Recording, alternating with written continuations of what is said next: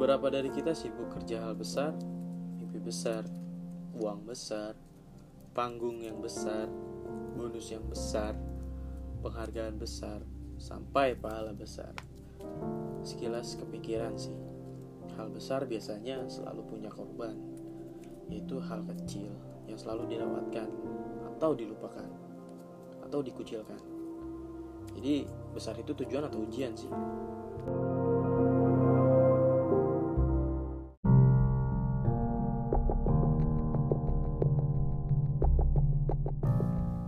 Gua Dapoy sebagai penikmat dan pendengar musik menolak RUU permusikan.